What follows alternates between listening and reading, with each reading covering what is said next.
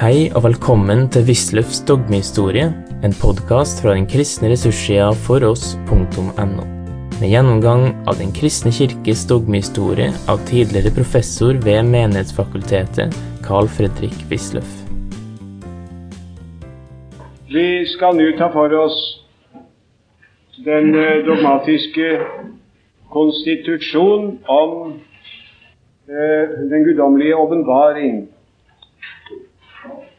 Vi hopper nærmest over denne erklæringen om den kristne oppdragelse som står der. Det er ikke noe særlig av interesse der. Eh, det er foreldrenes rett til å bestemme over barna som igjen understrekes, og staten må sørge for at dette blir mulig, står det. Det eh, vil bl.a. si at eh, staten må bidra økonomisk, er det nok meningen. Det er et omstridt punkt i USA. La meg allikevel si noen få ord om det.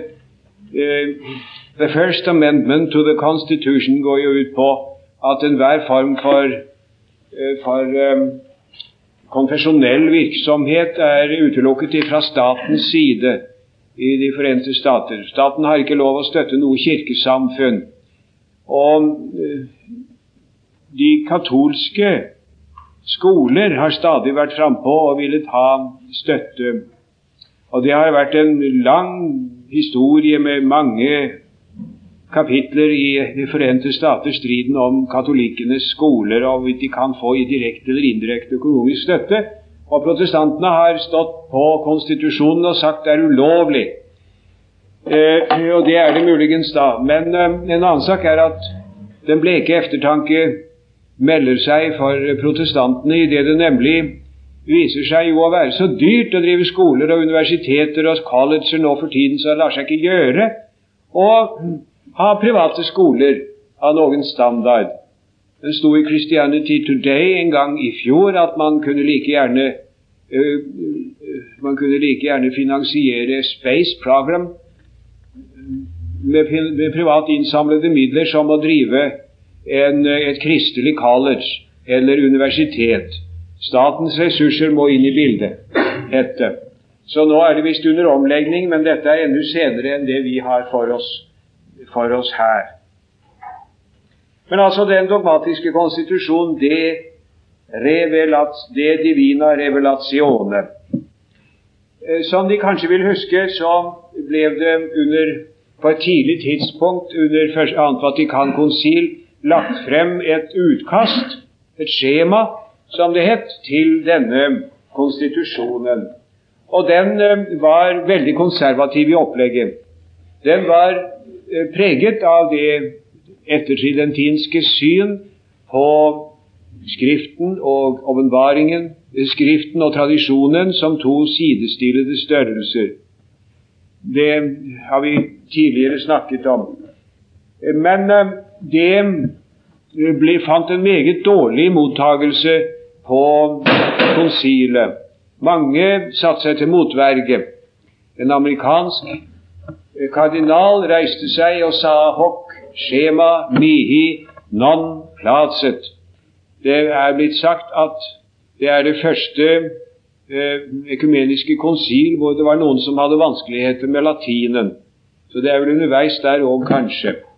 Det var samtidig like vanskelig å forstå når de snakket latin, som når de snakket et hvilket som helst annet språk, ble sagt. Men han likte ikke dette, dette, utkastet, sa han, og det var mange som ikke gjorde, for det var utarbeidet av en komité med Ottaviani til formann, og det var helt i den tradisjonelle stil med skrift og tradisjon som to kilder, i grunnen sidestillet, skrift og tradisjon. Eh, men eh, det eh, så det ble da sendt tilbake til ny bearbeidelse. Og Paven oppnevnte en ny kommisjon som var sammensatt noe annerledes, og hvor også progressive krefter var representert. Den endelige tekst er i høy grad preget av, kompromisser, og paven har grepet inn personlig flere ganger. Jeg må jo nok si at uh, når jeg nå igjen har grundig studert dem i tekst, så styrkes mitt tidligere inntrykk av at det til syvende og sist er de konservative som har trukket det lengste strå. Det blir meg tydeligere og tydeligere. Eh, ganske visst er det en del nyansatser. Det er da i særdeleshet slikt noe som også har stilt seg i forgrunnen på protestantisk side, f.eks. synet på åpenbaringen som handling. En gammel, en eldre tids betraktning har lagt en hovedvekt på åpenbaringens rent kognitive side. Gud lar oss få vite noe som vi ikke visste. En nyere betraktning vil jo sterkere understreke at Guds åpenbaring er hans handling i historien, samtidig som det er tolkningen av denne handling. Dette har kommet til uttrykk her på forskjellige måter. Jeg har sitert her den mannen Schillebeck, hvis vanskelige navn flere ganger har vært oss til bryderi.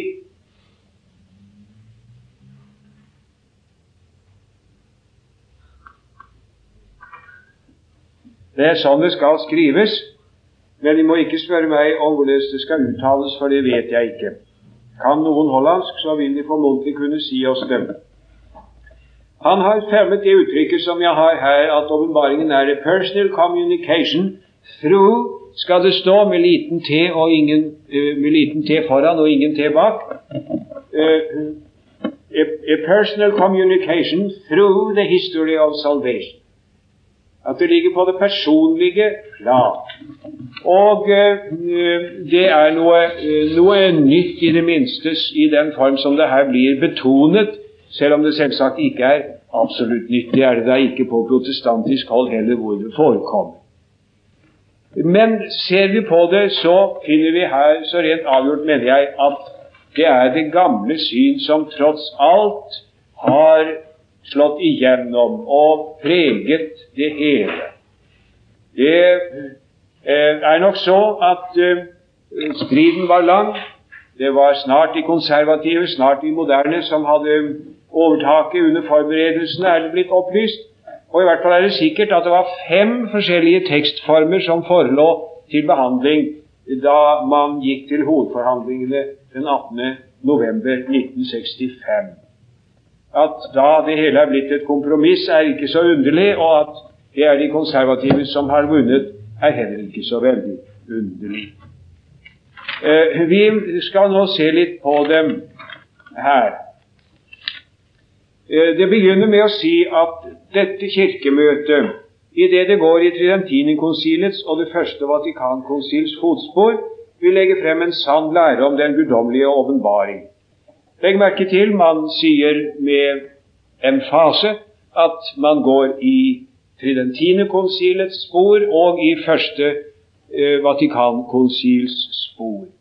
Og hva det vil bety når det gjelder eh, dette spørsmålet om åpenbaringen, det burde jo enhver kyndig straks forstå.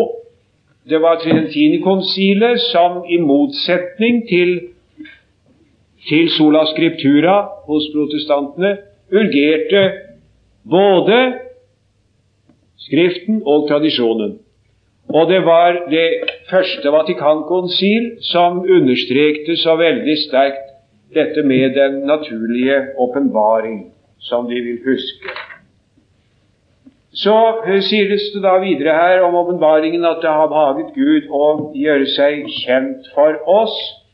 Og det tales om Hans gjerninger i frelseshistorien, og her kommer det frem som vi allerede nevnte for dem, nemlig at det er en kommunikasjon på det personlige plan. Det får gode uttrykk her.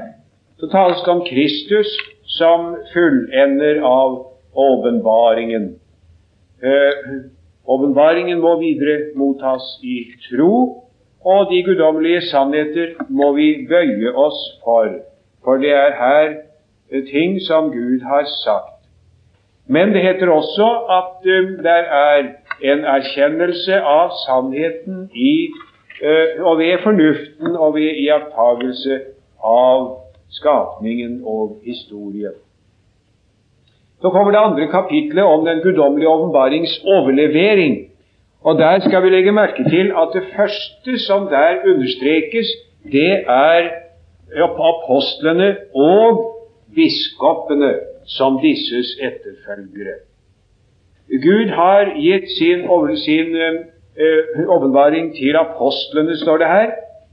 Og uh, de fikk, fikk, beskjed om å forkynne hans åpenbaring for alle mennesker inntil jordens ende.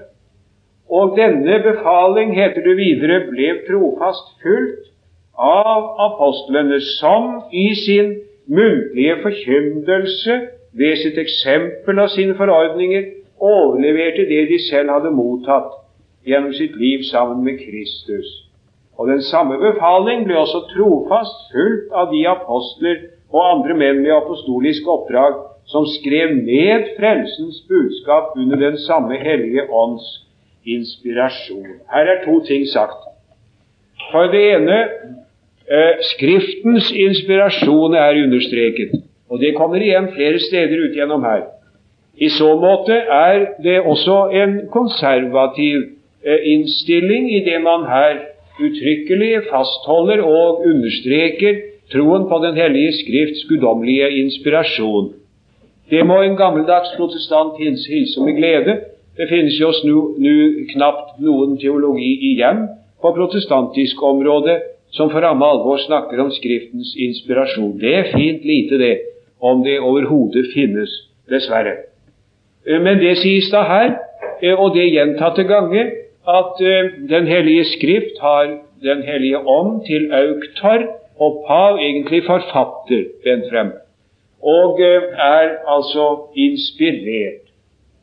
Og det andre, det er tradisjonen som i samme åndedrett blir fremhevet. Tradisjonen gjennom fedrene.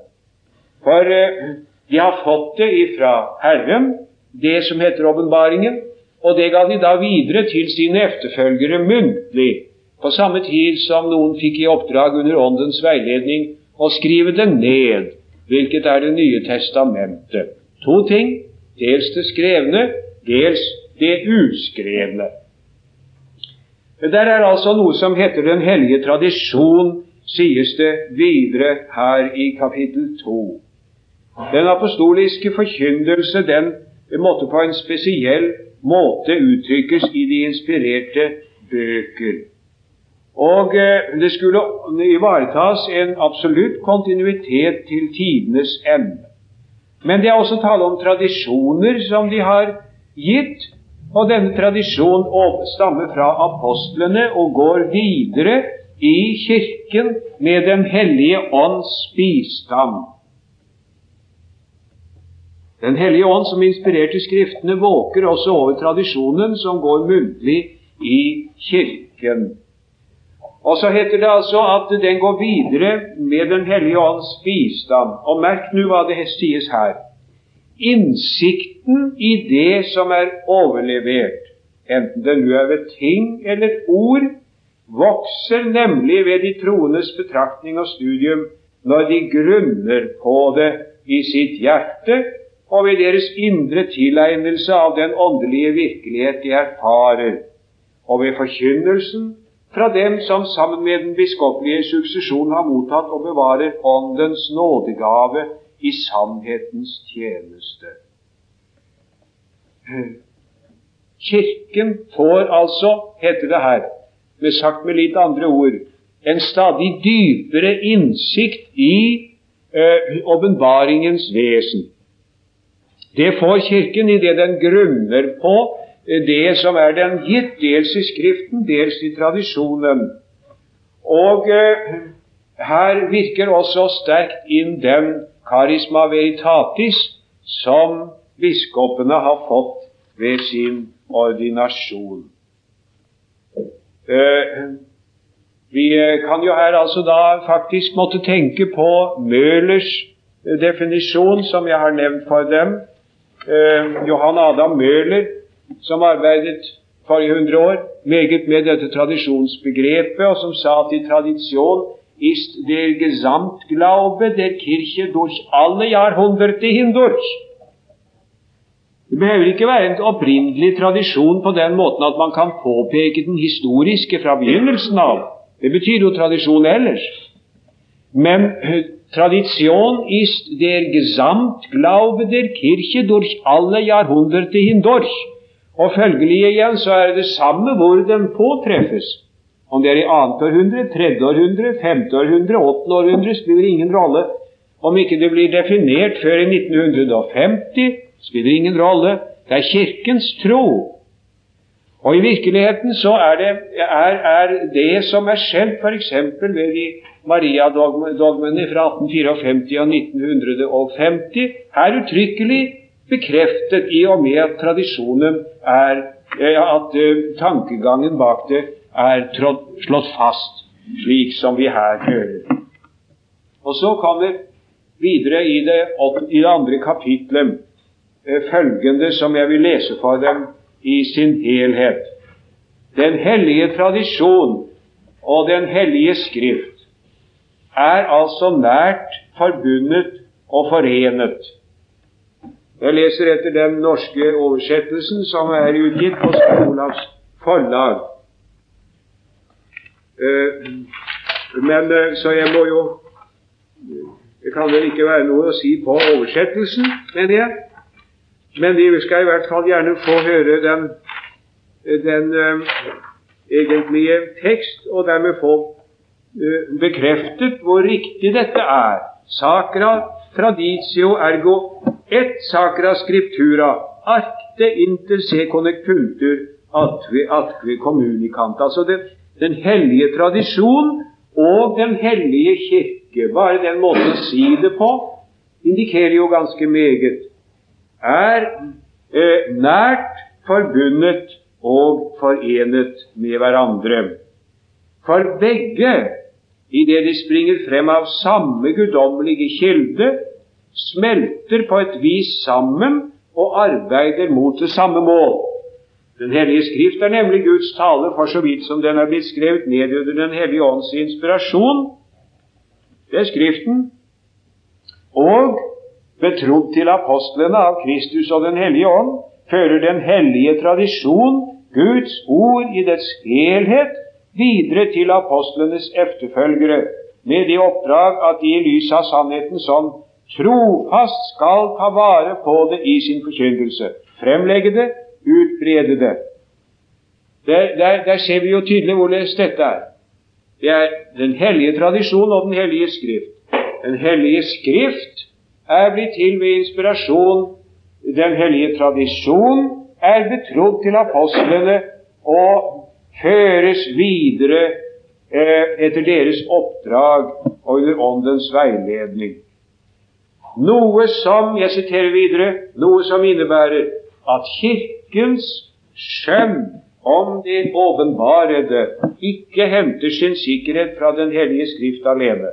Derfor skal begge mottas og æres med like stor pietet og ærbødighet. Quo fit ut ecclesia certitudinem suam de omnibus revelatis non personam sacram scripturam pauriat. Altså, det er direkte det eh, protestantiske, det lutherske formale prinsipp med motsatt fortegn.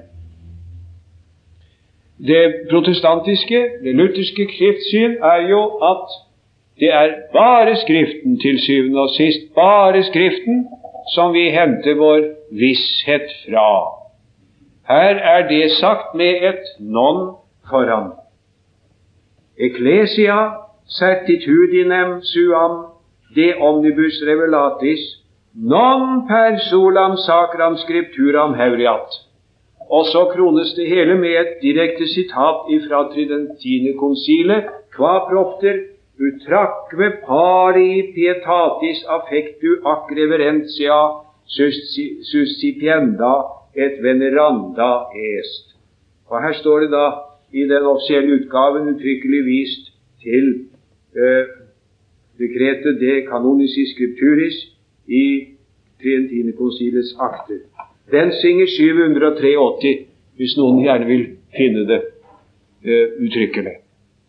Altså pari pietatis affectu et reverentia skal Skriften og tradisjonen mottatt. Det er helt og fullt det gamle romerske ettertridentinske skriftsyn som her er gitt uttrykk.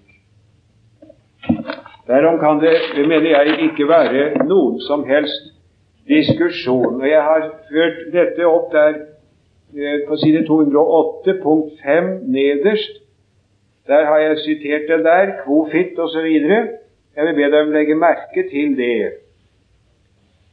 Det er også oppvist at den, eh, dette med at, eh, at dette som jeg her siterer, er føyet inn etter direkte tilskyndelse fra pave Paul. Og det aller siste er et sitat fra Tridentinum pari pietatis affectu et reverensia. Eh, ganske visst er det ikke to kilder. Det heter ikke to kilder. Det heter én kilde, eh, som er eh, åpenbaringen. Men det fører ikke til noen faktisk forskjell fordi så går da Den hellige tradisjon og Den hellige skrift nær forbundet og forenet videre. Den sak er jo ganske soleklar. Da blir det to ting allikevel. Man kan eh, altså anskueliggjøre seg den forskjellen der på den måten at man kunne si at det var to kilder. Da blir det altså sånn. Det er Skriften og tradisjonen Eh, men her foretrekker man altså å tenke seg det sånn at her er åpenbaringen, og fra den flyter da de to, Skriften og tradisjonen. Det er selvfølgelig en annen måte å anskue det hele på, men materialliter materialiter blir der jo ingen forskjell i det hele taget, i det det umerket godt kan være noe der som ikke finnes der. Selvfølgelig efter den ordlyd som her uttrykkelig er valgt. Når det heter at Kirkens skjønn på det åpenbarede ikke henter sin sikkerhet fra Den hellige Skrift alene.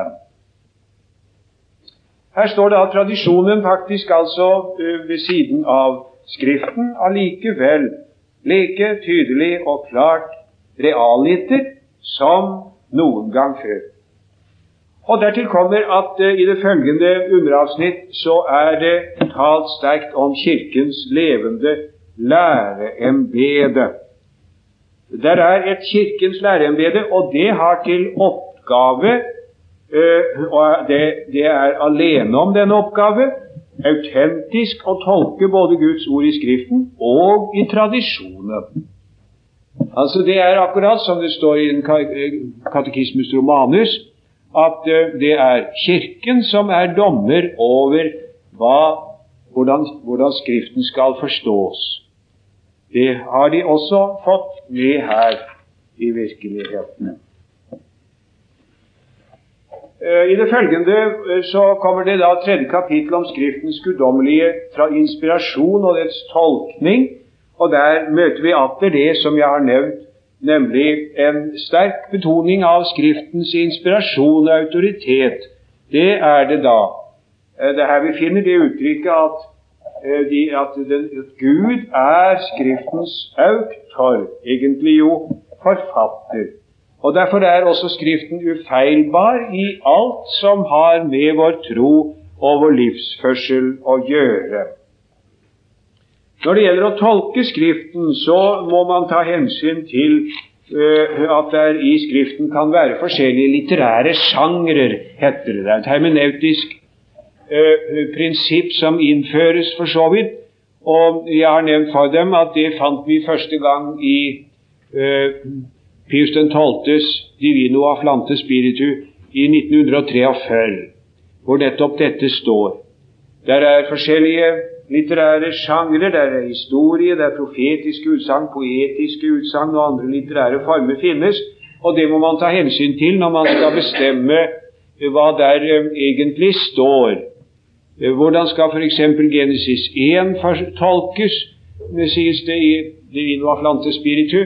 Ja, det vil jo meget avhenge da av hva for en litterær sjanger dette er.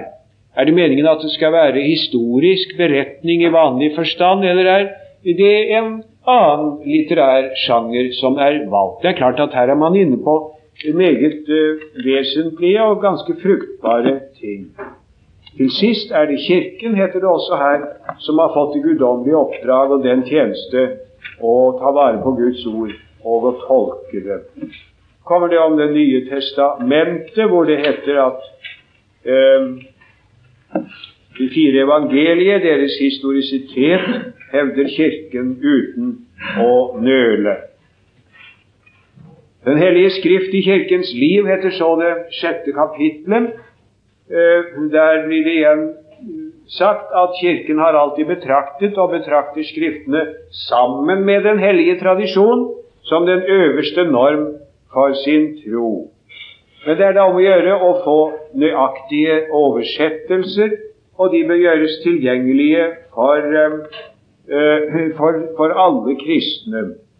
Uh, den katolske forsker har der et særlig oppdrag, og så tales det videre om at bibellesning er en viktig sak som man i høy grad må legge vekt på. Tilskynde folk å lese i Bibelen. Eh, oversettelser av de bibelske tekster forsynt med de nødvendige og virkelig tilstrekkelige forklaringer, slik at Kirkens barn trygt og med utbytte vil kunne omgås de hellige skrifter. Man skal altså ikke eh, tro en hvilken som helst oversettelse. Eh, og eh, Tidligere har det jo vært forbudt, i hvert fall tidligere har det vært forbudt katolske kristne å bruke eh, protestantiske bibeloversettelser. Jeg vet ikke i hvilken grad det nå opprettholdes, men i hvert fall blir det sagt her at uh, det skal legges vekt på å få oversettelser med nødvendige og virkelig tilstrekkelige forklaringer, slik at Kirkens barn trygt og med utbytte vil kunne omgås de hellige skrifter, heter det. Eh, den eh, blir, denne konstitusjonen blir da gjerne forstått sånn at den moderne kritiske metode, eksegesis kritiske metode blir godkjent, og med visse forbehold så er vel det kanskje riktig. Eh, men det kommer jo da alltid an på hva man mener. Man sier så fort og greit moderne historisk kritisk metode. I virkeligheten er jo det er ikke noe entydig begrep på noe vis. Her er Eh, Skriftens troverdighet en trossak. Det noterer en gammeldags protestant med takknemlighet og anerkjennelse. Det er ikke mye protestantisk teologi som har dette til utgangspunkt. Nå eh, er det dette med Skriften og tradisjonen. Det har jo en merkelig måte. Jeg eh, så jo nå i det eh, den eh, det har vært en samtale mellom katolske og lutherske teologer også i Tyskland. Og Der er de enige om at dette spørsmålet om Skriften og tradisjonen nå er kommet inn i en ny fase, eftersom eh, også protestantene jo er blitt oppmerksom på eh, den rolle som tradisjonen faktisk spiller i Kirkens liv. Og, heter det, eh, man er på protestantisk hold blitt klar over at også Skriften er blitt til ved en tradisjonsprosess. Og det der hører vi jo hos oss òg til enhver tid, at Skriften er jo også bare et uttrykk for tradisjon og et ledd i en tradisjon. Vi ser jo f.eks. Paulus, 1. til 15, at jeg overga ede hva jeg selv mottok. Det er med andre ord en, en tradisjon. Følgelig så er kanskje forskjellen mellom evangelisk og eh, katolsk ikke så altfor stor på det punkt. Allikevel blir det nå ofte sagt jeg tror det hører med til den sak som her opptar oss, og tilføyer at dette er en uhyre overfladisk betraktning. Én sak er selvsagt at, uh, man, at, Skriften, slik som den foreligger, de paulinske brev, evangeliene, synoptiske evangelier ikke minst, uh, selvsagt uh, kan ha en litterær forhistorie, hvilket de gammeltestamentlige skrifter og i høy grad kan ha en, en, litterær forhistorie. Det er ikke skrevet i ett drag fra begynnelsen til slutt, akkurat sånn som det foreligger. Det eh, er det vel få som har noe imot å, innrømme. Og For så vidt kan det være sant nok at eh, Skriften på en måte er nedslag av en tradisjon. Men eh, dermed stopper jo også i virkeligheten den tankelinjen For så foreligger Skriften der, og spørsmålet er hvilken autoritet den har, der den nå foreligger i den form som vi har den i våre kanoniske skrifter. Eh, om, om, de har en litterær forhistorie og kan sies å være blitt til ved en tradisjonsprosess til dels, utelukker jo ikke det en guddommelig inspirasjon, vil vi hevde. Og en helt annen sak vil jo være at så fortsetter denne tradisjonsprosess. Og det er det siste som er det katolske. Det er i virkeligheten samme eh, avstand mellom betraktningene som det alltid var når man ser nøyere efter. Jeg gjentar, det er én ting å innrømme at Skriftene kan ha hatt en litterær forhistorie, og altså har hatt noe med tradisjon å gjøre i den form, inntil de nådde den form hvor vi har dem. En annen sak er å tenke at så fortsetter så fortsatte tradisjonen, og der er ting også utenom denne kanoniske skrift som til syvende og sist har samme, har samme autoritet. Det er det siste som er det katolske, og det er merkelig at man ikke kan se hva det, hva det innebærer. Eh, så kom det videre et dekret om massemedia, som ikke er noen grunn til å oppholde seg noe særlig ved. Det er bare et av uttrykkene for at man syntes man måtte ha sagt noe om det. Det er åpenbart. Derimot, legmannsapostolatet kunne jo ha, være grunn til å stanse litt ved. Jeg har talt at det der er en tanke som er vokset frem allerede eh, tidligere i vårt århundre. Forsøk på å eh, mobilisere legfolk i en ny forstand. Eh, I århundret har jo presteskapet hatt all ledelse og alt ansvar. Det har dels eh, sam, sammenheng med at, at den alminnelige opplysning kanskje var noe senere i å komme på, i de katolske land, oftest da de sydeuropeiske land, enn på protestantisk hold. Det kan i høy grad ha spillet inn. Eh, presten har jo i høy grad vært han far her hos oss òg, som bekjent. Og det med leg og, og lært eh, er jo et uttrykk som stammer fra en tid da det ikke var rett mange andre enn presten som var lært.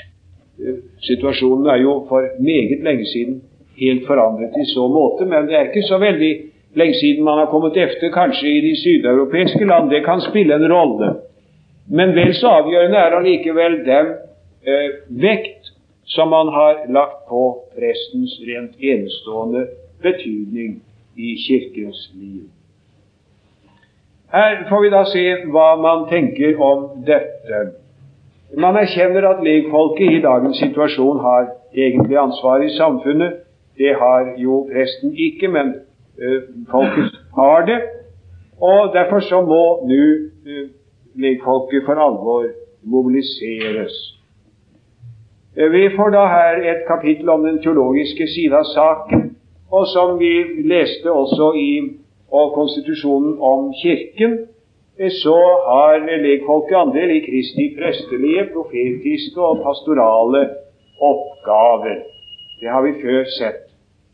Det store eksempel på dette apostoliske liv, det er eh, jomfru Maria. Det er nemlig slik at alt hva Kristi mystiske legeme virker eh, her i verden, eh, det er apostolat, heter det. Og når det da er tale om et forbilde eh, i så måte, så er det Den hellige jomfru. Eh, det fullkomne eksempel på dette åndelige og apostoliske liv er den salige jomfru Maria, apostlenes dronning, som her på jorden levde et helt alminnelig liv fylt av omsorg og arbeid for familien, samtidig som hun alltid var inderlig forent med sin sønn og på enestående måte bisto Frelseren i hans verk. Det står det ingenting om i Det nye testamentet at hun gjorde. Tvert imot så er det jo helst sånn at uh, hun ofte griper litt ved siden av i de beretninger som vi har om henne. Uh, har jo ikke hatt lett for å forstå hans, hans misjon, men her får vi det jo sånn, da. Når hun nå er opptatt i himmelen, så her bekreftes altså med uttrykkelige ord uh, denne eh, dogmatisering av, av 1.11.1950, eh, Munificentissimus Deus, hvor det heter at Maria er opptatt i himmelen med legeme og sjel. Da bekreftes det. Når hun nå er opptatt i himmelen, omfatter hennes moderlige kjærlighet Sønnens brødre, eh, som under sin jordiske valfart er omgitt av farer og trengsler inntil de når frem til salighetens fedreland. Måtte alle vise henne den største hengivenhet og betro sitt liv og sitt apostolat til hennes moderlige omsorg. Maria-dyrkelsen har altså da fått en uttrykkelig plass her i denne dekretet. Så kommer dekretet om prestens liv og tjeneste og liv. Det var et av de seneste dokumentene som ble vedtatt. Eh, også det er et emne som var behandlet før, nemlig i dekretet i konstitusjonen om eh, Kirken og om liturgien og andre steder, men her er det da samlet om det. Eh, det, det interessante det er at um, her blir utgangspunktet tatt i biskopen, mens det før har vært tatt utgangspunktet i prestens tjeneste. Det er den katolske teologis tradisjonelle opplegg. Man, man, man taler om presteembetet, og så, når det er da definert, så eh, kommer biskopen, og det kommer da til ved et pluss, liksom. Her uh, kommer eh, tas utgangspunktet i, i, i biskopen. Det er han som har Kristi oppdrag, og eh, det er biskopene som er apostlenes etterfølgere. Og biskopenes prestelige rolle er i en mindre grad gitt videre til, uh, til prestene, heter det her. eh, episkopos quorum munus ministerie subordinato gradu presbyteris traditum est. En annen måte teologisk å plassere det på. Eh, det er jo saktens en ting av betydelig interesse innen den katolske teologi. Ekumenisk betraktet har det derimot jo neppe noe egentlig å å bety. Eh, så sies det at eh, den at sølibatet i og for seg ikke er, er nødvendig. Det er ikke Altså det, er noe man er kallet til, men det kan være forskjellig praksis. Og Der vises det da til den østlige praksis, som jo, som vi vet, er annerledes. Den lavere geistlighet eh, kan være gifte menn. Jeg gjentar, må ikke på protestant, i protestantisk uvitenhet misforstå det der enn at, at, de kan gifte seg, prester gifte seg. Det er ikke tale om, men uh, det er i tilfelle noe nytt. Men uh, det er sånn at gifte menn kan bli ordinert. Det er jo ikke riktig det samme. Og, og det, det, kan man da innrømmes at det er forskjellige uh, tradisjoner i så måte. Men sølibatet blir ikke desto mindre i høy grad opprettholdt, og dets store betydning fremhevet og understreket.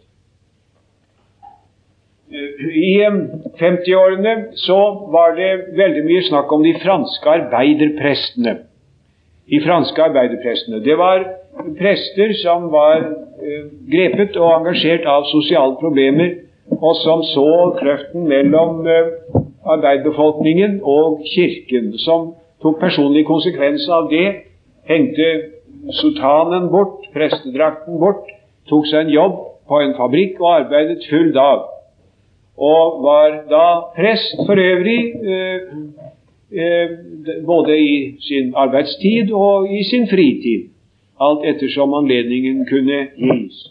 Det var en stort rabalder om det, derfor det var på ingen måte alminnelig begeistring for saken innen den franske kirke, og heller ikke i Vatikanet.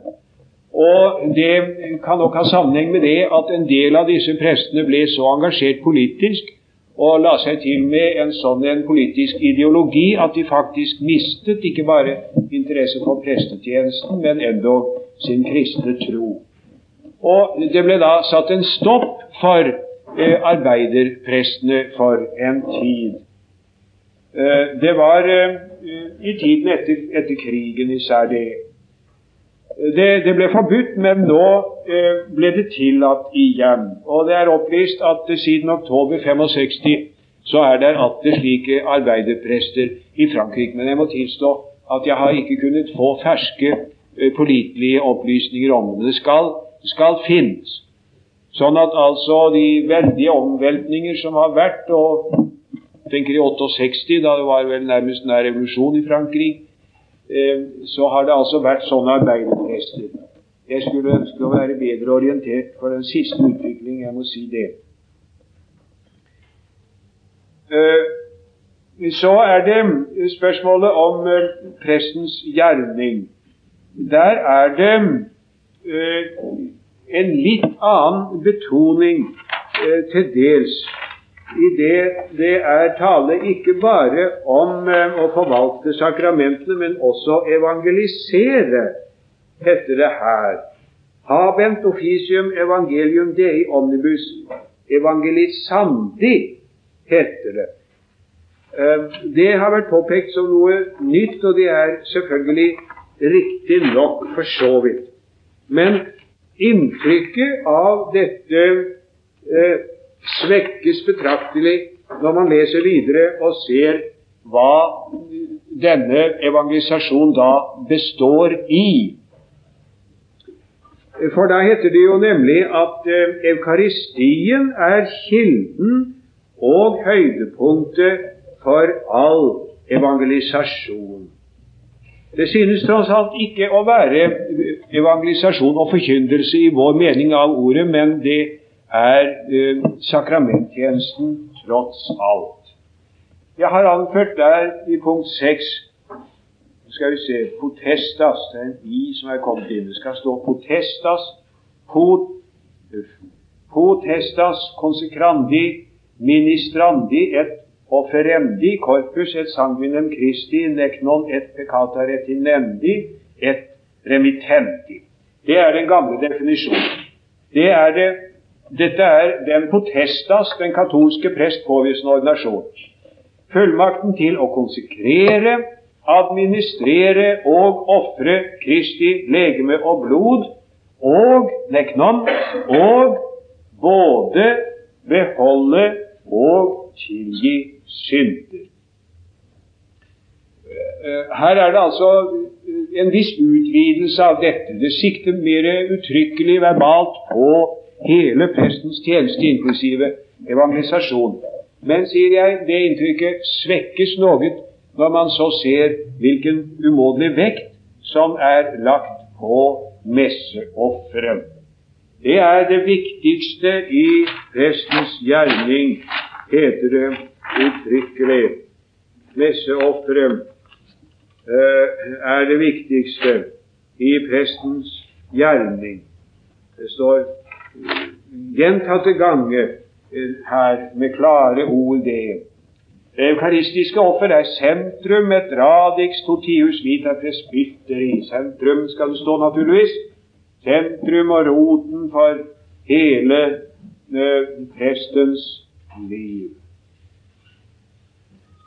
Eh, sånn at eh, her eh, er det, mener jeg vi må si med rette, det samme dobbeltinntrykk. Det er Man merker en, en, tendens i retning av å løse opp i gamle posisjoner, en, en, en interesse av å adaptere seg til en moderne tids komplekse situasjon. Dette er i 60-årene, da så mye bryter opp og forandrer seg, og en sterk følelse går gjennom hele menneskeheten om at uh, man lever Ja, jeg hadde nær sagt 'zwischen den Zeiten', som det het i Tyskland i 20-årene, da man hadde en lignende fornemmelse. Det var jo den bartianske retningstidsskrift som het 'Zwischen den Zeiten'. mellom to tider. En lignende fornemmelse, uh, i hvert fall ikke mindre sterk, hadde man jo i 60-årene, og har man enda. Og vi merker, sier jeg, i dokumentene en, en vilje og en tendens i retning av å komme dette i møte, innpasse seg på dette mønster. Men samtidig i aller høyeste grad så at eh, man eh, beholder den grunnstruktur som er den ekte katolske. Det har vi sett også i dette dekret, og vi skal se på det videre i morgen, som antagelig da blir den siste timen om, eh, om dette her, hvis jeg rekker ut med det. Og La meg da tilføye også at uh,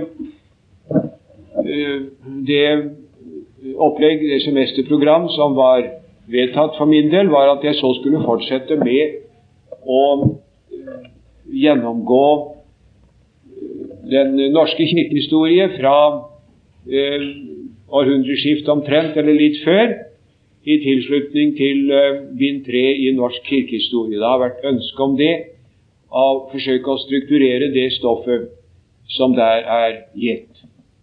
Det eh, vil jeg da begynne med når jeg er ferdig med dette, og det vil jeg antagelig bli ferdig med i morgen. Du vil si nei, nå var jeg litt forhastet igjen, for vi har hoppet over et et avsnitt. Vi har hoppet over det, det, om de teologiske skoleretninger, så det må jeg aller først ta. Det blir i kommende uke. Og så den norske kirkehistorien da etterpå. Du har nå hørt Wisløffs dogmehistorie. Finn flere ressurser og vær gjerne med å støtte oss på foross.no. Følg også gjerne noen av våre andre podkaster, f.eks. Table Talks.